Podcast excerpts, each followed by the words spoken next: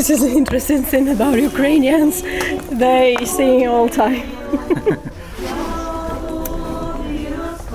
but, I, but I like to listen. It's, it's, Tā mūsu sarunas ievadā smejoties, saka Olha, bet atbildu viņai, ka man nebūtu nav iebildumu. Vārds pa vārdam, un nonākam pie stāsta par to, ka viņas mājā pirms vairākiem gadiem mitinājies Maskavas ielikteņu komandieris Arsenijs Pavlovs, kurš bija pazīstams arī ar pseidonīmu Motorola. Naša kvartīra в Donetsке, в которой мой муж вырос. Мы там жили какое-то время с детьми. No mūsu dzīvokļa Donetskā, kur vīrs izauga un mēs tur dzīvojām kādu laiku ar bērniem, mēs no turienes aizbraucām un izvedām mammu, un tur palika krustmāte. Periodiski viņai zvanījām, viņa negribēja izbraukt. Tas bija 2014. vai 2015. gads. Viņa reiz zvana un saka, pie mums izmitināja ļoti svarīgu karavīru. Krusmāte strādā izlūkošanā. Vārds pa vārdam un beigās noskaidrojās, ka tas ir tas pats Motorola. Pēc mēneša kāpņu telpā notika sprādziens. Diemžēl tieši mūsu dzīvokļa līmenī, bet vēlns ar viņu. Pēc tam sāk izmeklēt un prašņāt, kurš nogalināja vai nodeva pozīciju. Но для этого вам нужно сообщить нам ваше актуальное местоположение. Так, да. Сейчас. вот. А я Zvanīja man un teica, zinām, ka esat daudz bērnu ģimene un mūsu jaunā Donetskas republika ir nozīmējusi nelielu pabalstu. Nu, ne jau lielu pabalstu, jo mēs redzam tādu jaunu republiku vēl, bet par šo pabalstu jums ir jāziņo mums par savu aktuālo atrašanās vietu. Kā tad? Tūlīt! Pārsvarā no okupētajām teritorijām visus izveda. Okupētajā teritorijā palika pārsvarā veci cilvēki, bērnus gandrīz visus izveda. Palika manu draugu un paziņu vecāki. Tādiem žēl ir. Mana krusmāte arī negribēja izbraukt, negrib mājas atstāt. Tādi tie ukrāņi ir. Ukrāņi laikam nebaidās ne no kā. Ja nokritīs, tad nokritīs. Kā istorija? Nu, prilītīt, prilītīt.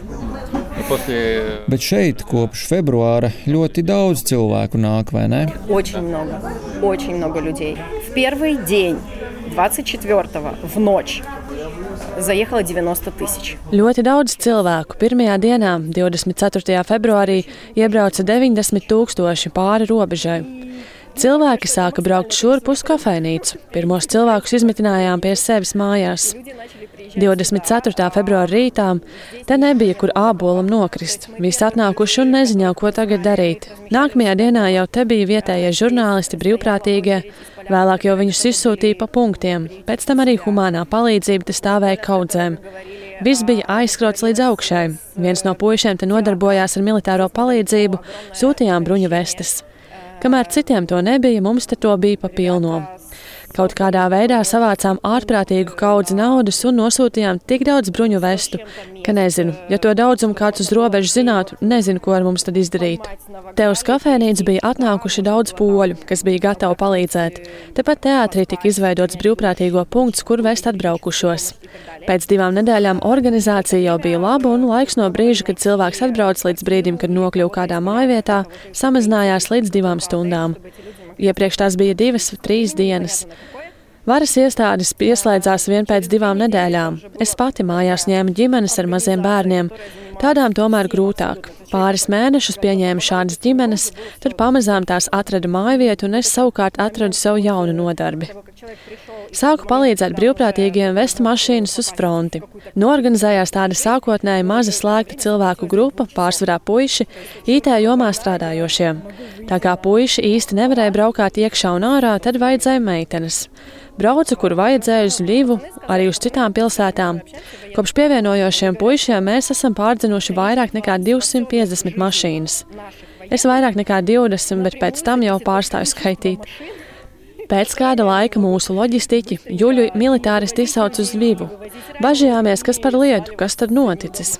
Izrādās, ka ģenerālis Zalužņīs parakstījis valsts apbalvojumus un saņēmām medaļas par palīdzību armijai. Kad beigsies šis sasodītais karš, varēšu iziet parādē ar savu medaļu. Karavīri, ar kuriem runājām, teica, ka izglābto karavīru skaits ir tieši atkarīgs no mašīnu skaita, ar kurām var vai nu izvest ievainotos, vai arī aizlaisties uz drošākām vietām. Tikt pāri robežai gan var būt liels izaicinājums. Pirmā mašīna, tas bija murgs, birokrātija. Uz robežas nesaprot, ko tu no viņiem gribi. Tev netic, ka esi brīvprātīgais, ka ved mašīna, kas domāta mūsējiem. Ja tev mašīnā ir bruņu vestes, droni vai vēl kaut kas, tev tas ir jādeklarē, bet tu to nemaz nevari. Vispār ārprāts. А ее надо декларировать, а ты не можешь. Потому что, ну, вообще не можешь. Nu, jā, um, Sarunu ar Olhu mēs kafejnīcas iekštelpās iesākām angļu valodā, jo krievu valodā viņa nevēlējās runāt. Vēlāk gan devāmies uz terasi un pārgājām uz krievu valodu, jo acīm redzot tā vieglāk izteikties. Bet viņa atzīst, Šī daudzu mēnešu laikā ir garākā saruna Krievu valodā, kāda šajā kafejnīcā ir skanējusi Olha Smejas. Jo uz krieviski runājošiem šeit skatās ar šķību aci. Очень много людей в Украине говорили по-русски и никогда не задумывались о том, плохо это или хорошо. Ļoti daudzi cilvēki Ukrainā runāja krieviski un nekad pat neaizdomājās, labi tas vai slikti. De facto austrumu daļa jau bija okupēta ļoti sen, būtībā visu Ukrainas neatkarības laiku - kultūra, ziņas, mūzika, tas viss. To krievu valodu, ko te Krakovā var dzirdēt, drīzāk tie ir ukrāņi, bet krievi, viņi baidās runāt krieviski. Krieviem šeit nepatīk, un tas ir lieliski. Tie cilvēki, kas te nāk un agrāk runāja krieviski, tagad runā ukrāņu valodā. Es domāju, ka karš sagrāva arī daudz attiecību, daudz ģimeņu. Māma par Ukrainu, tētis par Krieviju. Русско-украинских? Да, ну мама там за Россию, папа за, за Украину. Да. И это все. О, да, это все поскрывалось ужасно.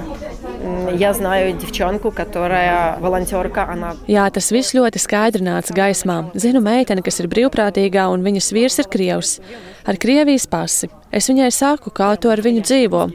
Viņa saka, viņš normāls, palīdz, pelna naudu, tērējam to, lai sūtītu uz fronti. Un viņa nevienam nesaka, ka viņš ir krievs, jo viņai ir kauns. Tagad ir kauns būt krievam, un vienalga kāda saikne. Mana māma ir vienīgais cilvēks, kas, cik es atceros no Ukrainas kontrolētās teritorijas, ir pārcēlējis uz Krievijas kontrolēto teritoriju. Kā viņa teica, lai audzinātu jauno Novorosijas paudzi. Vienkārši, nu kā? Tu esi mana māma? учитель украинского языка и литературы. Родилась в Днепропетровской области, всю жизнь прожила в Украине. Три высших образования. Пф, Я не знаю, что ее перемкнуло. Tātad mana māma, kas ir ukrāņu valodas un literatūras skolotāja, visu dzīvi dzīvojusi Ukrajinā ar trīs augstākajām izglītībām, un beigās tā. Nezinu, kas ar viņu notika. Viņa joprojām turpina sēdēt Donetskā un saka, ka to apšauda ukrāņu karavīri. Viņa nebrauc prom, tic, ka Ruskija mir uzvarēs. Tāpēc sazināmies ļoti reti, un tad, kad viņa zvana, dodu telefonu vecākiem dēlam, un viņš saka: Vecmāmuļs, slāva Ukrainai! Un es jau dzirdu, cik ļoti tas viņai nepatīk. Tas ir Krievijas propagandas spēks. Ir bezjēdzīgi kaut ko teikt. Man ir draudzene, kas aizbrauc no Donetskas uz Krieviju, jo Ukrāņi redz tādi un tādi. Propaganda ir smalka māksla. Tas ir kaut kas, kam ir ļoti grūti noticēt, bet tā ir balstīta emocijās, un cilvēki tādēļ tic tādiem arbaidošiem вообще мы Patiesībā ir aizgājis līdz absurdam. Jebkurš cilvēks, kurš Ukrainā runājas ukrāņu valodā, krieviem automātiski ir kļuvis par bandu rovieti. Bet patiesībā mēs maz zinājām par krieviem. Mana draudzene, kas ir no Luhanskas, bija tajā mazākumā, kas Luhanskā izgāja uz ielas Maidana laikā. Mēs runājām, ka tolaik iziet Maidanā Kijavā nebija bail nepavisam, jo aiz tevi stāvēja miljoni, bet Luhanskā vajadzēja drosmi, jo izgāja 20 cilvēku un tevi vienkārši var nogalināt. Viņa teica, ka Luhanskā līdz 16 gadiem ukrāņu valodu tur nebija dzirdējusi. Un, kad pilsētā parādījās pirmie krievi, viņus varēja ļoti labi dzirdēt, bija milzīgs akcents. Tas pats bija Donetskā, un tur jau arī labu laiku stāstīja, ka atnāks kādi banderovieši un būs beigas. Un Donetskas Tautas Republikas karogi parādījās jau ilgi pirms revolūcijas. Šie noskaņojumi tur bija jau labu laiku, pirms 2014. gada. Es redzēju arī ZNR, Zaporižas Tautas Republikas karogu. Biju darīšanā Zaporižā un runāju ar vienu ierēdni, kurš nesaprata, ar ko pats sarunājas. Un viņš man stāstīja, ka laikā, kad atdeva Donetsku, viņi bija gatavi atdot pilsētu. Viņi gaidīja komandas, karogi jau bija sagatavoti. Kad devali Donetsku, viņi gatavi bija izdevāt gorodu. Они, они ждали команды, у них уже были заготовлены флаги ЗНР, и Запорожье ждала та же участь. После февраля, я думаю, Un много. pēc februāra šķiet, ka daudzi cerēja vai gaidīja, ka Krievijā pret šo visu cilvēki izies ielās, bet tomēr tā nenotika. Вот э- этим людям все человеческое чуждо. У них все человеческое только на словах. Nē, tas tā nestrādā. Šiem cilvēkiem viss cilvēcīgais ir tikai vārdos, un patiesībā jau sen vienkārši mēs to nepamanījām. Bet nekas tas viss sabruks. Tur nav citas izējas.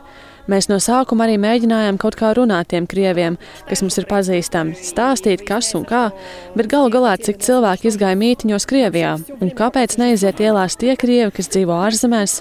Galvenais arguments taču ir tas, ka mēs neizejam ielās, jo mūs iesēdinās.